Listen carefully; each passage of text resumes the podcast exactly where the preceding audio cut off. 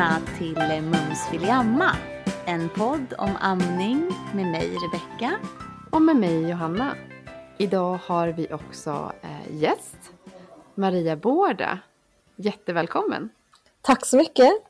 Och Maria, du har ju själv ett barn, du har ammat, men inte bara det, du är också föräldracoach och eh, författare och har ganska nyligen kommit ut med, eller ja men relativt nyligen, med en eh, ny bok om föräldraskap. Precis. Jag tänker att du kanske kan berätta lite grann om dig själv. Ja, jag eh, heter då Maria, jag är 46 år gammal. Jag växte upp här i Malmö. Jag är född i Sydamerika, i Argentina, av bolivianska föräldrar. Och så växte jag upp i Malmö.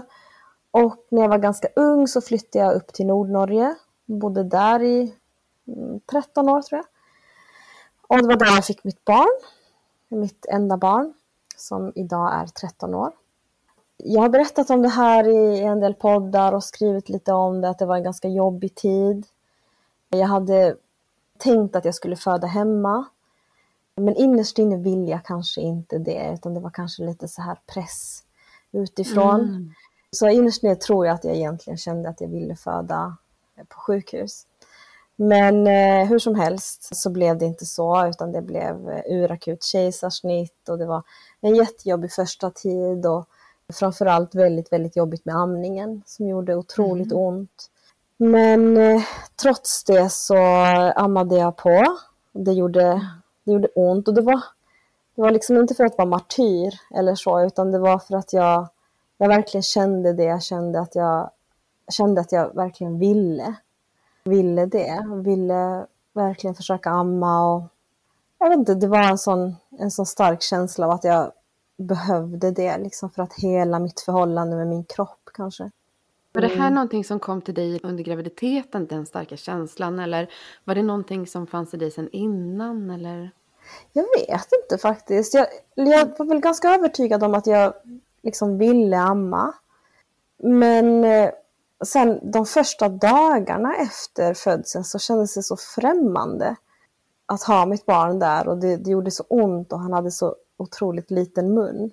Och då kände jag ett tag att jag ville ge upp och att jag kände liksom att varför ska jag göra det här? Men sen var det ändå det där, den här närheten, att få ha honom nära.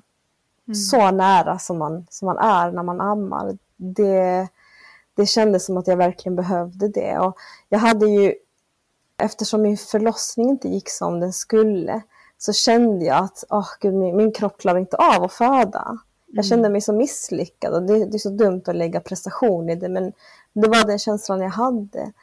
Och då kände jag att, och så klarar jag inte av att amma heller. Jag vill verkligen, det här vill jag verkligen fixa. Och det kändes också bara väldigt praktiskt liksom att, att kunna amma. Slippa mm. dra med sig flaska och så. Så att för mm. mig kändes det viktigt, så att jag kämpade vidare. Och jag kan inte säga att jag fick någon hjälp direkt. Och nu i efterhand så förstår jag ju mycket vad, vad det var som var problemet. Mm. Eh, att han hade för kort tungband så att han inte fick något bra tag och sådär. Men hur som helst ammade vi vidare och, och vi fortsatte i många år. Och under graviditeten och innan också så hade jag ju studerat socialantropologi och börjat intressera mig för föräldraskapet i olika delar av världen. Och då läst om hur amning kan se ut runt om i världen. Och mm. blivit väldigt intresserad av olika kulturella perspektiv på just amning och varför vi ammar som vi gör här i västvärlden, varför man ammar som man gör i andra delar av världen, hur lång tid som anses vara normalt och ja, helt enkelt allt som hade med amning att göra blev superintressant för mig och är det mm. fortfarande. Mm. Och, och de kunskaperna kom att påverka mitt val om, sen om hur länge, hur länge jag ammade och, och hur jag valde att amma. Och sen blev det ju först en blogg och så Instagramkonto och sen böcker och så. Ja, det är så himla fint och intressant att du säger det. Just de här kunskaperna som jag fick kom att påverka mina, mina val. För det är ju det vi har pratat om jättemycket. Mm. Att det är sån, sån liksom brist på kunskap som gör att ja, den här frustrationen kring att inte egentligen många kvinnor får göra informerade val, tyvärr, kring det här med amning. Men eh, vi är väldigt nyfikna på Maria, det kulturella perspektivet. När det kommer till, jag tänker dels på om du har några egna erfarenheter, om du har någon, någon anhöriga, eh, någon förälder, vänner som har ammat innan, om du hade de erfarenheterna och tankarna innan sådär. Mm. Alltså jag blev ju själv inte ammad. Och det beror på väldigt mycket jobbiga saker. Jag föddes ju i Argentina mitt under värsta militärdiktaturen och vi flydde till Sverige när jag var 25 dagar gammal. Och det var helt enkelt en oerhörd stress som jag föddes under. Och min mamma fick inte till amningen och det förstår jag fullt ut. Det var, Jag föddes under flykten. Mm. Så att hon fick inte till det och sen så var det också dåliga amningsråd på den tiden, 70-talet. Mm. Det var ju mycket konstiga myter kring amning och hur, hur sällan man skulle amma. Och hon fick liksom inte den hjälp hon behövde, så det förstår jag. Och sen tidigare så, jag har inte riktigt, jag har ingen, jag vet inte hur det har varit med amning i min familj. Men jag vet att i Sydamerika så är ju amning väldigt, alltså man ammar ju vanligtvis ganska länge i de traditionella kulturerna. Men amningen där har ju också påverkats av kolonisationen och det har påverkats av, av allt som amningen i västvärlden har påverkats av. Och, och också den här, ja, ni, ni känner säkert till hela den här Nestlé-historien, liksom att Mm. de har varit runt om i, i fattiga länder och övertygat folk om att det, att det är viktigt att, eh, att ge bröstmjölksersättning, att det är bättre, att barnen blir smartare av det, att, att det är primitivt att amma. Amning har helt enkelt kopplats med fattigdom, med, eh, med, med någonting som man inte vill bli kopplad ihop med. Alltså, det har ansetts vara mer civiliserat att ge flaska till exempel. Och, Mm. och med den, med den rasistiska och, och kolonialistiska historien som finns i Sydamerika, precis som i Afrika och i, i många delar av Asien, så har det blivit så att många helt enkelt har börjat ge flaska för att det helt enkelt ses som mer urbant eller, eller mer utbildat eller mer civiliserat. Så att eh, även där är det ju så att till exempel medelklassen eller den urbana medelklassen, eh, medelöverklassen, de eh, ger kanske hellre flaska eller ammar kortare, kortare tid medan folk på landet ammar längre. Och eh, det hade jag läst om jag visste att det var så, men så upptäckte jag också det när jag kom till Bolivia och jag träffade kvinnor från landet som ammade i fem, sex år och som tyckte att det var det liksom mest naturliga. Så det var ju fint att upptäcka det, att det, att det faktiskt Mm. fortfarande är så. Ja, Precis. verkligen. Ja. Mm. Jag Ja, tänkte på olikheterna. Du började amma honom i Norge, eller hur? Mm, ja. Och sen, hur gammal var han när ni flyttade till Sydamerika? Han var väl eh, tre, han fyllde tre år i Sydamerika. Men vi hade börjat resa runt innan dess, så han fyllde två år på Bali. Så att vi, vi reste runt väldigt mycket, både innan han föddes och efter att han föddes. Jag bodde en tid i Vietnam, jag har pluggat på Hawaii, ja, rest runt mycket i Asien och Sydamerika ända sedan jag var ung. Liksom. Så att han fyllde tre år i Sydamerika och då ammade han fortfarande. Och jag kommer ihåg att jag ammade honom öppet. Och jag kunde höra lite kommentarer från, från folk ibland att ja men ammar du fortfarande? Det är ju, det är ju bara blask. Och eh, barn har ingen nytta av att amma efter ett års, ettårsdagen och så. Och då kunde jag bara säga så, nej men du vet ju ingenting. Mm. Och vad coolt av dig att Mm. du kunde det, för Mm. det är inte så himla lätt. Nej, verkligen inte. Mina fördomar var att det skulle vara enklare att amma liksom äldre barn. Ja. Jo men det var det. hade- Ja, ja, i en annan kultur Ja, men liksom, men, precis. kanske då Absolut. Norge. Det, det Eh, tror, jag att det var, det tror jag att det var, absolut. För folk på stan sa ingenting och så, men det var kanske någon släkting som, som kunde säga det. Och som sagt, det är mer liksom medelklassen som, kan, som har sådana idéer, medan folk från landet, de säger ju inte sånt, de vet ju. Mm. Precis, de vet ju. mm. Visste du redan Mm. från början att du ville amma längre än normen? Eller? Ja, ja men det, det visste jag. Det, jag och min exman pratade om det och han var väldigt så här, pro långtidsamning. Och ehm, han visste ju en del om det, var väldigt intresserad av, av det också. Så att jag, jag visste det, men jag visste inte hur länge jag ville amma. Och jag minns att när jag, jag hörde om fyraåringar som ammade så kommer jag ihåg att jag, jag tänkte Nej men, nej, men det, det är väl lite för länge ändå. Mm.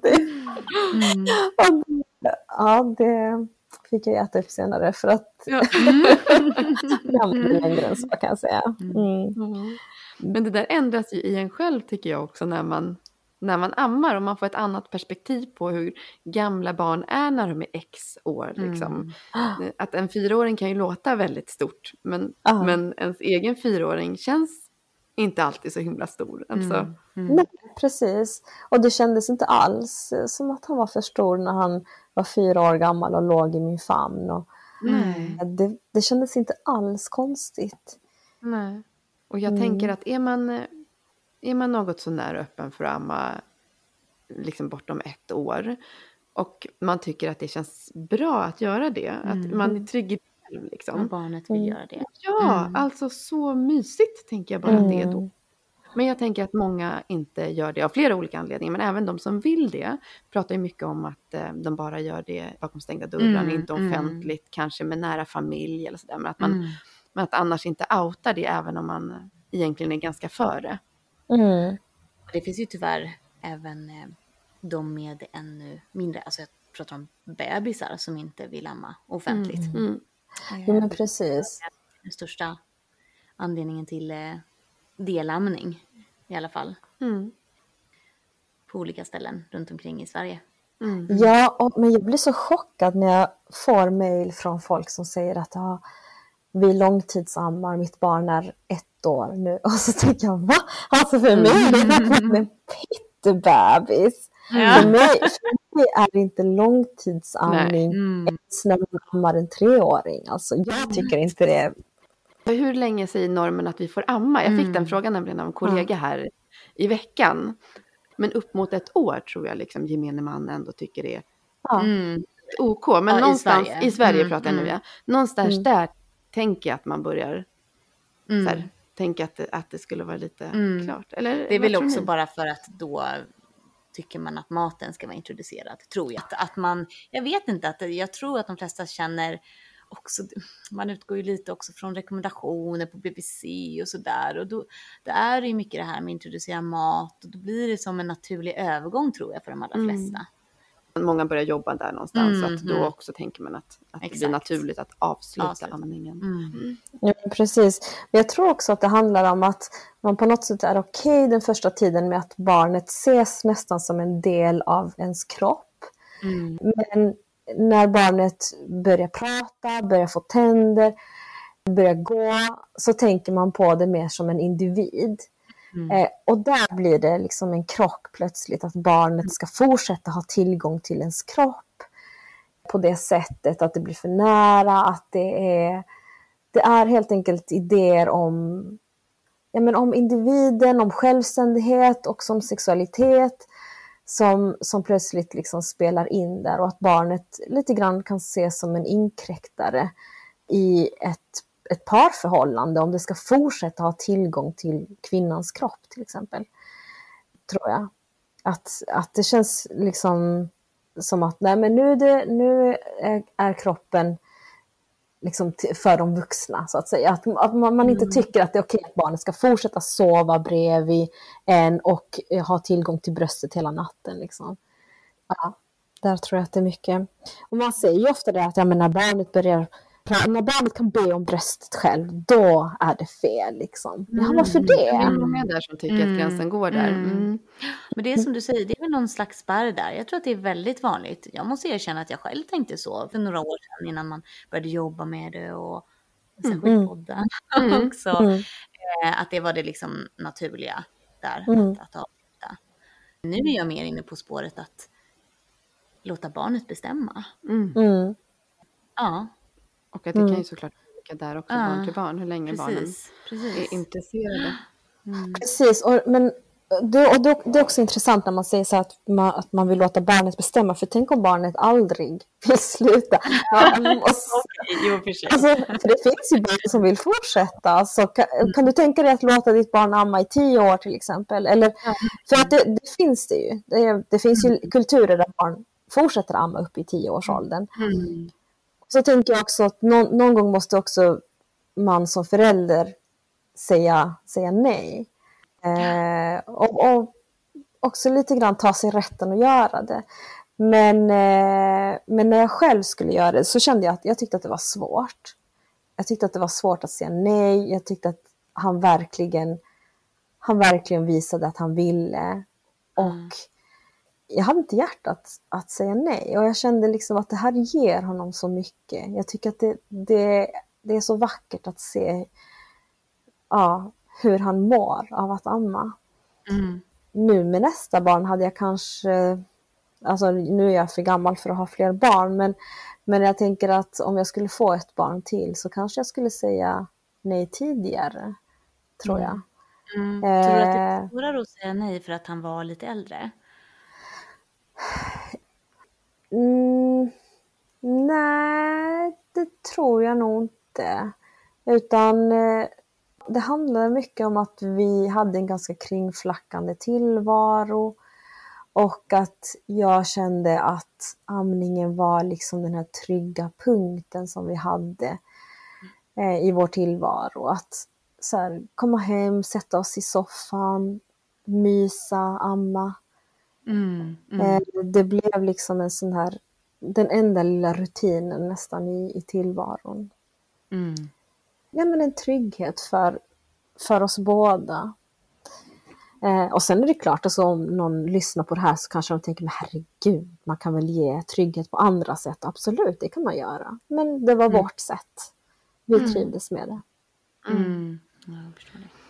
När du bestämde dig för att sluta amma, eller var det du som bestämde, bestämde att amningen skulle avslutas? Eller gjorde ni det tillsammans? Eller kom det från Ja. Nej, alltså han hade säkert velat fortsätta utan det var det att jag skulle göra en bröstförminskning. Och då så tänkte jag att okej, snart är det dags och då är det, då är det bra att sluta amma i tid liksom innan, innan jag gör det. Så då gjorde jag det. Och klart lite sorgligt var det, men han var ändå ganska stor och, och jag pratade lite om det och vi kramades och så, så ja, så det, var, det var vackert. Och i efterhand så har han sagt att det kändes, det kändes helt, eh, helt lagom. Han hade inte velat att det var kortare tid eller längre tid, utan eh, han kände sig helt nöjd med det liksom. Mm. Och, och minns det fortfarande med värme. Mm. Fint. Verkligen. Men det Mm. vill man ju. Inte jättemånga barn som, som får minnas den tiden. Liksom. Verkligen inte. Mm. Så är det ju.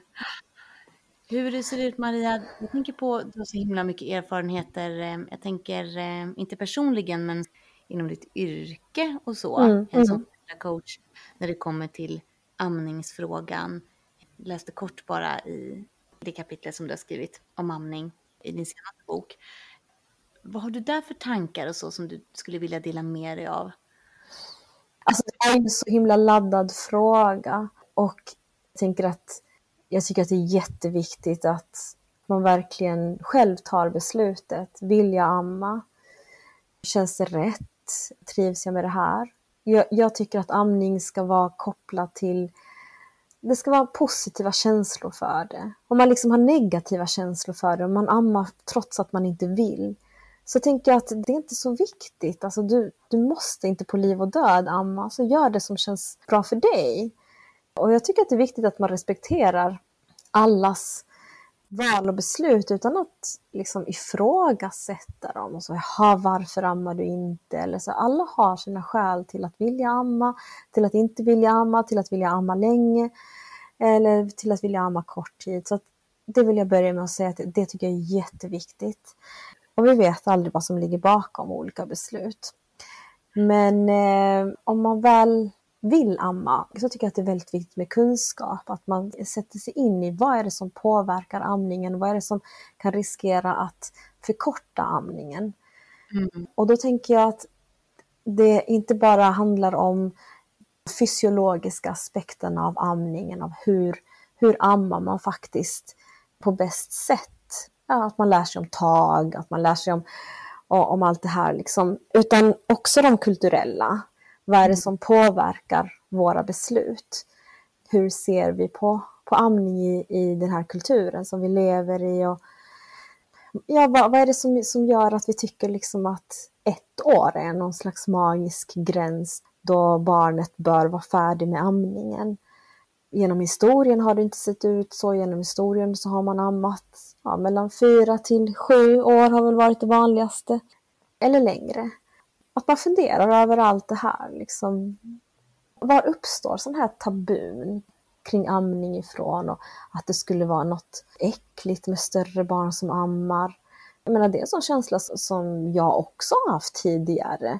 Jag tror att om jag hade varit eh, tio år yngre och hört talas om stora barn som ammar så hade jag också tänkt, så, men varför? Alltså varför skulle man vilja göra det? Det är ju jättekonstigt. Mm. Men att det handlar mycket om att eh, ja, ifrågasätta alla sådana här normer och fundera över det helt enkelt. Det tror jag är viktigt. Jag tror att det hör mycket ihop med alla de här andra västvärldspåfund som spjälsängar och barnvagnar och sådär? Absolut, det har det. Absolut. Det har det ju verkligen. Och det här är någonting som jag brukar hålla föredrag om, västvärldens föräldraskap.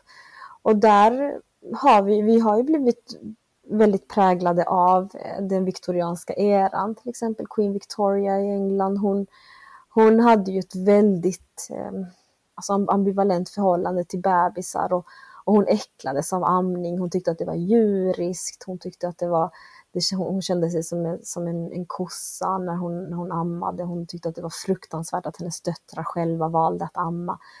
Och allt det här präglade ju hela tiden, alltså hela, hela den eran. Och det var barnläkare som förde vidare de här tankarna, som liksom bekräftade henne och som blev otroligt inflytelserika i västvärlden. Och de införde det här med med fyra timmars amningen, att man inte skulle amma mer än var fjärde timme och som, som har fortsatt ända in i, i vår mm. tid. Och att man inte ska dalta för mycket med bebisar, att bebisar inte ska sova bredvid en, det var den här mm. sexualskräcken. Och helt enkelt skräcken för allt som påminner oss om det djuriska inom oss, om allt som, som påminner oss eller som, som får oss att känna oss som en del av djurriket. Liksom. Mm. Så att absolut har det präglat väldigt mycket och allt där hänger ihop. Barnvagnen och spjälsängen och, och det är den här kulturen som främjar distans. Eh, distans mellan eh, mor och barn eller föräldrar och barn. Mm, precis. Du skrev i boken om, eller ni skriver i boken, för det har ju du skrivit tillsammans med en annan person, turkan. Mm. Då berättar ni om de här fyra timmars amningarna vs eh, det här vi skriver som kungfolket i södra Afrika. Mm. Som ammade ja, men, någon så här genomsnitt var tionde, femtonde minut, eh, bara ett par mm. minuter.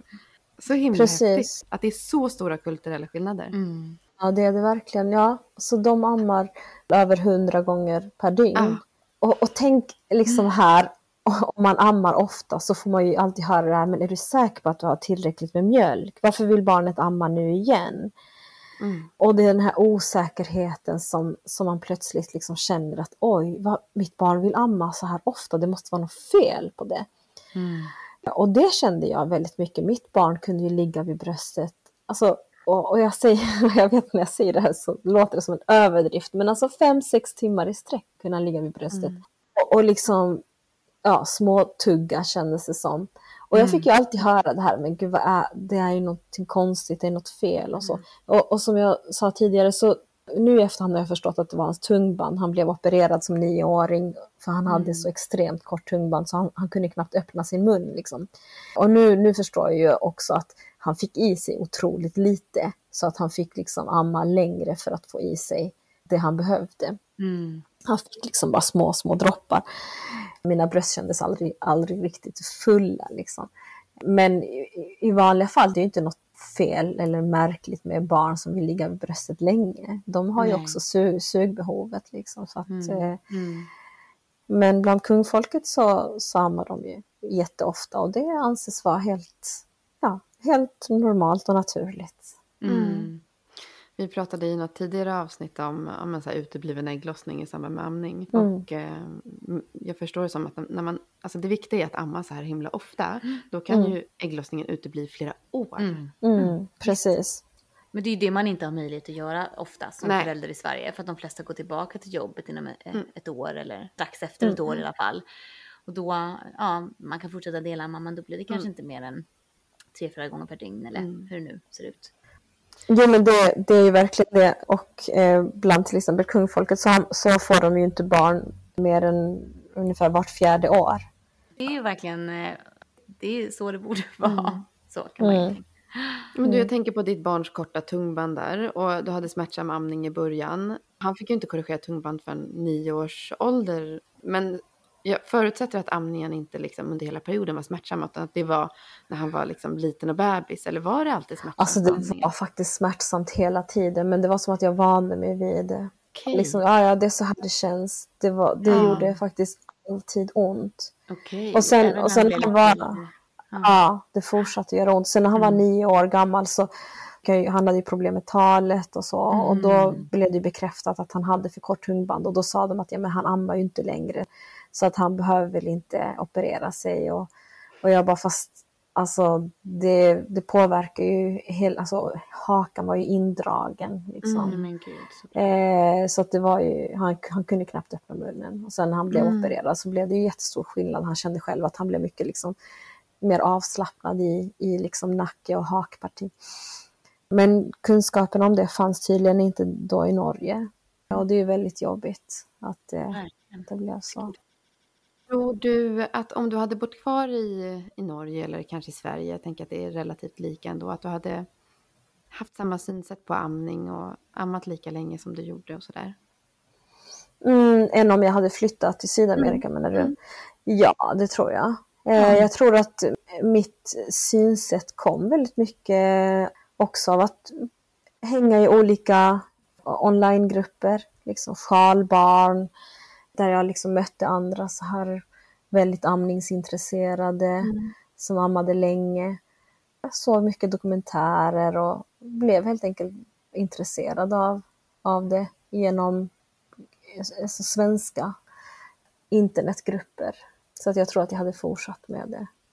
Det är ju väldigt lite förberedelse så här, föräldraskapsmässigt när man är gravid. Vi, Mm. vi har ju mycket kontroller, liksom, MVC-kontroller, man mäter magen och blodtryck och Mm. eh, blodprover och allt sånt där. Men det Mm. är väldigt lite föräldraskapsförberedande. Ja, visst.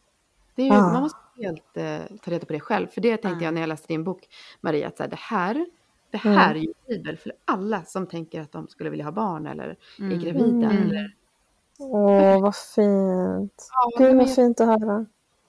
Jag tycker att ni fick med så himla många... Alltså, jag skulle typ vilja säga att jag tycker att ni fick med allt. Så här, bra Ja. att veta innan på ett enkelt sätt. För det var också väldigt lättläst. Inte komplicerat eller liksom Mm. svårt att läsa Mm. boken på något sätt. Mm. Mm. Ja, det var det, var det vi, vi kände att vi ville få med. Det finns många bra böcker eh, om föräldraskap och så, men vi, vi kände att vi ville få med en bok där vi fick med, liksom, vi vill ha en bok där vi fick med allt på ett enkelt sätt och sen får man själv fördjupa sig i det om man blir intresserad av det. Men för att väcka små tankar liksom, om, om, ja, till exempel om amningslängd eller om, om tabun kring att amma offentligt eller eller ja, ja, när det, alltså allt liksom. Vi har ju skrivit om allt som rör de första två åren. Och allt som jag önskar att jag hade vetat innan jag fick barn. För mig att läsa den också. Ja. Och jag var ändå barnmorska när jag fick. Mm. Ja men herregud Mm.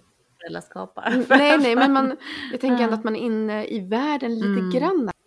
Nej, det är ju verkligen bara första tiden. Ja. Jätte, jätte Mm. första tiden. Första Dagarna, veckorna kanske ja. till och med. Ja. Mm, Mm. precis. För där skriver ni också så här om lyhörd matning. Tyckte jag också var så fint och fint uttryck. Att, och ni har ju ett avsnitt om amning också, men att man faktiskt, om man av olika anledningar inte ammar, att man klart kan vara nära och det Mm. kan vara lyhört och Mm. hur man kan tänka med flaskan. Och, Mm. Mm. Ja, Mm. jag tyckte det var super. Mm, vad fint att höra. Eh, Nu vet jag, du har ju helt en annan grej, men här, nu ska du komma ut med en eh, glassbok, eller hur? Min glassbok har kommit ut.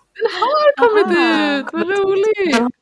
Den har ju jättebra sagt- redan. I något avsnitt tidigare att det skulle vara kul ifall någon testade att göra alltså, bröstmjölksglass. Men det sa vi ju lite skämtsamt, men, men eh, verkligen. Ja, har ni läst min första bok Vilda barn? Ja, för där har jag ett, eh, där finns eh, liksom en text som heter Bröstmjölk, glassar och tabun. För det var en glassbar i England nämligen som eh, sålde glass av bröstmjölk. Och, eh, och det blev ju sån här viral grej att det skrevs om det, ja, det här var ju länge sedan, eh, tio år sedan kanske. Det skrevs om det överallt, folk tyckte det var så fruktansvärt äckligt och, och där så har jag liksom lite grann analyserat det ur ett antropologiskt perspektiv. Varför, varför tycker vi att det är äckligt med Mm. glass gjord av bröstmjölk när vi kan dricka, eh, äta glass gjord av ko, bröstmjölk. Mm. Eh, ja. men, men bröstmjölk skapar ju relationer mellan människor. Vi ammar ju vanligtvis inte främmande människors barn utan bröstmjölk skapar liksom en relation. Och det finns ju kulturer där, där barn som har ammats av samma amma inte kan gifta sig med varandra därför att de anses bli mjölksyskon. Eh, även om den här, den här amman inte är deras mamma. Det kan till exempel vara en, en kvinna som, som ammar flera barn, men de, de barnen som blir ammade får, kan inte gifta sig med varandra för att de blir mjölksyskon. Det är ju det med bröstmjölk, att dels att det skapar en relation, så att det, det skulle kännas väldigt märkligt kanske att, att äta glass gjord av en främmande kvinnas bröstmjölk. Precis. Men sen är det också att många människor ser det nästan som något lite kannibalistiskt, att äta Ja, någonting som precis. kommer från en, en annan människas, människas kropp. Mm. Mm. Så att, eh, ja, där har jag skrivit om det. Det är intressant. Men, men om man vill göra till sitt eget barn så kan man ju absolut. Eh, Mm, absolut. Det finns ju sådana här små glassformar som, Mm. som ser ut nästan som en napp. Och där, de kan man ju fylla med antingen Mm. ren bröstmjölk eller om man vill liksom blanda bröstmjölken Mm. med, med lite hallon eller någonting. Mm. Så kan man absolut göra det. Tänk Mm. varma sommardagar. Mm. Perfekt. ja, Mm, mm. ja, verkligen. Mm. Alla de Mm. Och det är sött. Så att det, ja. Ja, men precis. Vi hade ju en, en gäst som berättade om hennes barn som tyckte att det smakade jordgubb. Mm. Det måste ju vara så gott. Jag Ja. minns Ja men det är ju ganska gott. Alltså man har ju smakat på bröstmjölk. Ja, det är väldigt bra liksom. Mm. Mm. Men det smakar annorlunda med fryst bröstmjölk tycker jag. Ja, jag har faktiskt inte testat fryst. Nej. Har du testat fryst? Ja, men Nej. alltså jag har... Ja, jag har fryst ner massa, men jag har aldrig smakat Nej, men jag, själv. ja, men jag, Ja. har, jag har gjort det och tyckte att det smakade annorlunda. Okej, ja, Okej. färsk. Ja. Alltså jag har aldrig lyckats eh, pressa ur bröstmjölk. Mm. Det har kommit en droppe. Du vet som man må, många måste ju ha såna här eh, typ bindor på brösten. Vad heter det? Såna här, eh, jag har aldrig, för det har aldrig kommit en droppe. Jag har aldrig sett min bröstmjölk. Ja, det har inte ens kommit en droppe. Och jag har liksom tänkt på den som mytisk nästan. Jag har hört att den ska finnas där men jag har aldrig sett den.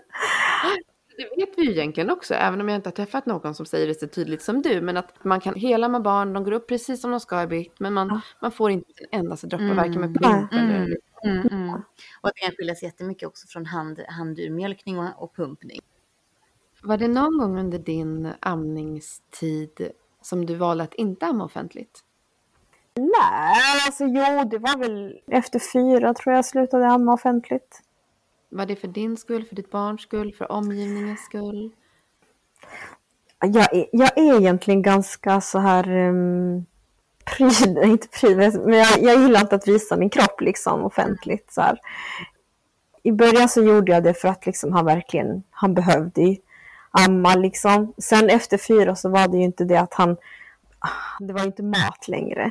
Och han kunde klara sig med det liksom hemma. Så då kunde jag ju säga, nej men vi ammar när vi kommer hem. Mm. Um, så att det var, ja, då kändes det inte som ett um, livsnödvändigt behov längre. Nej. Så jag slutade med det då. Jag ammade ändå offentligt tills han var fyra. Det var ändå så här, Mm, Mm. verkligen. Mm. jag kan inte säga att jag fick så, att jag fick liksom fula blickar eller något sånt. Kan jag inte säga att jag någonsin fick. Eller så tittar jag inte eller jag kanske bara sorterar bort dem liksom.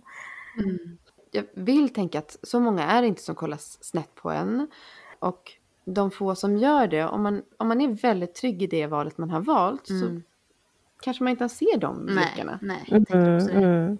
Det hjälper att vara lite arrogant och vara lite Ja. så här, äh, gud du vet ju inte, herregud. Nej, Mm. Precis, jag gillar det, den inställningen. Jag du tänker vet att många, ingenting. Mm. många kvinnor ska försöka ha med sig, men det är Mm. inte alltid så, så lätt. Nej, verkligen inte. Mm.